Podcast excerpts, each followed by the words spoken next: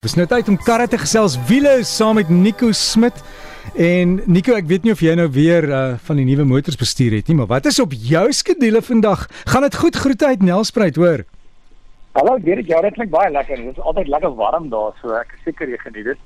Ehm um, ek het nie onlangs ehm um, nuwe voertuie ehm um, bestuur nie, maar ehm um, ek het 'n uh, 'n vraag wat ek nogal redelik kry ehm um, uh, wat mense my vra, weet jy wat wat is die beste kar en dan gewoonlik hulle luister hulle vir my hierdie kar of hierdie kar of hierdie kar watter een ehm um, sou ek sê is die beste.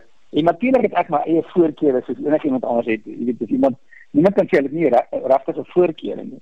So uh, dit is altyd ek wil nooit my my voorkeure uh, weet uh, sê dis 'n keuse om te maak nie. So gewoonlik dink ek voel mense dalk ek wil die antwoord ontduik maar die die ding is op die einde van die dag 'n groot ding is jy moet self die kar bestuur. So nommer 1 is koop die kar waarvan jy hou want jy moet elke dag met hom ry So dis niks slegter as om 'n kar te koop dat almal gesê het, jy, dis 'n goeie kar, maar jy moet hom ry dan hou jy nie van hom nie. As ek as my sussie vir voorbeeld, haar kar is nou al net self vir 'n rukkie, maar sy sê vir my elke keer as sy in die kar klim en met hom ry dan dink sy, weet jy wat, hier is 'n goeie keuse, ek geniet hierdie kar regtig baie. En en dieselfde is as jy 'n kar kies. Nommer 1 is maak seker jy van die kar hou want jy moet hom bestuur.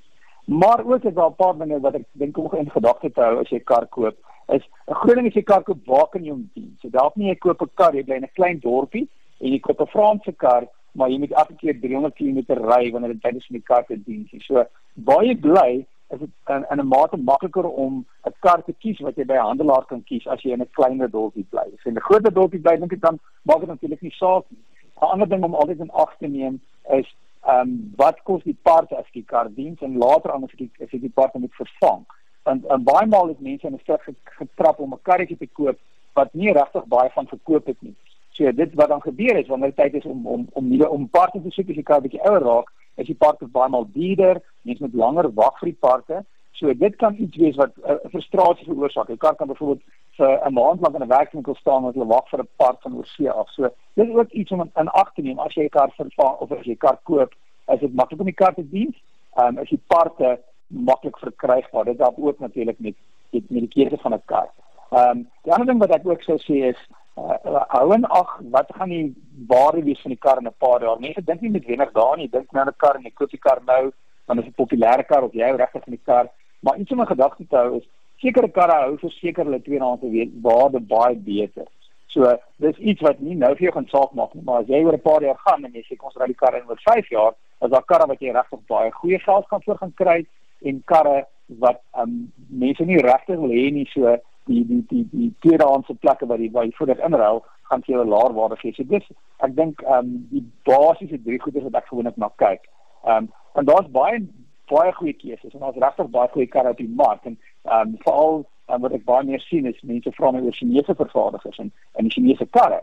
En die Chinese karre is baie goedkoper en hulle gee vir jou baie goeie uh, opsies ehm um, ehm um, en die voertuie self. En anderswoorde daar's nou goederes wat jy nie in die, in die in die meer gevestigde karre kry nie. Kry nie in, in die Chinese karre wat goedkoper is. Maar dan is daar ook die vraag van hoe gaan hulle tweedehandse waarde byvoorbeeld wees in in die lang duur? So uh nog een ding is as jy kyk na die karre kyk ook na die opsies en ek stel altyd voor dat mense die karre gaan toets bestuur so as jy ehm um, ehm um, nou uh, van 'n sekere vervaardiger hou of 'n paar kom ons sê daar's twee of drie gaan toets bestuur die verskillende karre want ook daar um, as jy bijvoorbeeld in die kar sit hoe voel die kar is as jy gewoond en waar al die flikkerligte is in die radio? Werk alles gemaklik? Hoe voel jy se plek se ondersteuning?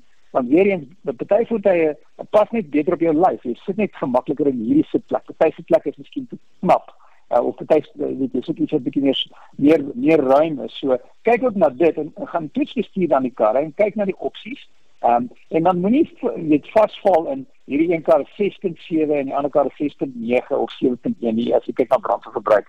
Dis basies dieselfde. Maar hou in gedagte as jy byvoorbeeld 'n groter engine koop, die nuwe turbo engines is regtig baie goed en hulle is lig op brandstof. So moenie skrik vir die 1 liter turbo engine nie. Hulle is baie goed in vergelyking met vuur wat ons sê sê 'n 2 liter engine wat nie turbo het nie. Jy die klein turbo enjinkies ry, brandstofverbruik is baie goed. Ehm um, en die kragverbruik en en dis regtig baie goed. So dis ek sê die goeders om aan ag te neem is um, maak 'n goeie 'n besluit en 'n goed deurdagte besluit en dan maak seker in een die dag die kar wat jy koop is die een wat jy graag wil hê en wat jy gaan geniet.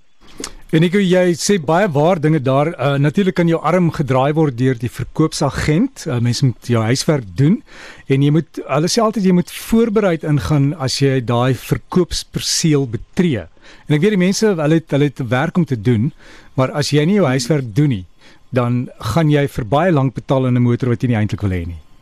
Dis reg, weet jy wat en, en as ek kan bysit ook pasop ehm um, vir vir jou betalings terugbetalings. Jy weet um, baie maal sal hulle maklik vir jou sê hulle praat ons van 'n praat van 'n balloon payment of 'n ballonbetaling. Dit is Afrikaanse ballonbetaling is nie maar 'n balloon payment pasop vir so iets want dit kan jou in moeilikheid kry. As jy goed is met geld en jy's goed met geld werk en jy jy weet waarvoor jy jouself inlaat, maar pas op baie maal uh, hulle sê weet jy wat ons gaan net jou jou maandelikse afbetaling maak ons bietjie minder en dit klink baie goed maar aan die einde is daar 'n reswaarde so jy het nog steeds daai waarde om te betaal jy gaan altyd die geld moet betaal aan die einde van die dag jy gaan dit of nou betaal of later so.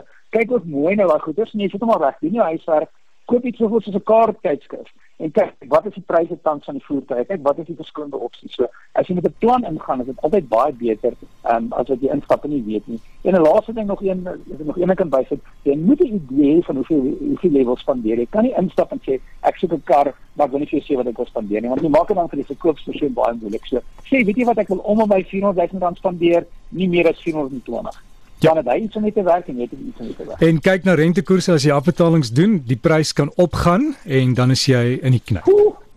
O ja, verseker. Nico, alles van die beste en 'n baie goeie naweek vir jou. Dit dan Nico Smit met ons wiele bydra. En as jy dalk 'n idee het waar ons kan gesels, dalk 'n vraag het oor motors, jy kan van Nico e-pos en sy e-pos is wiele by rsg.co.za.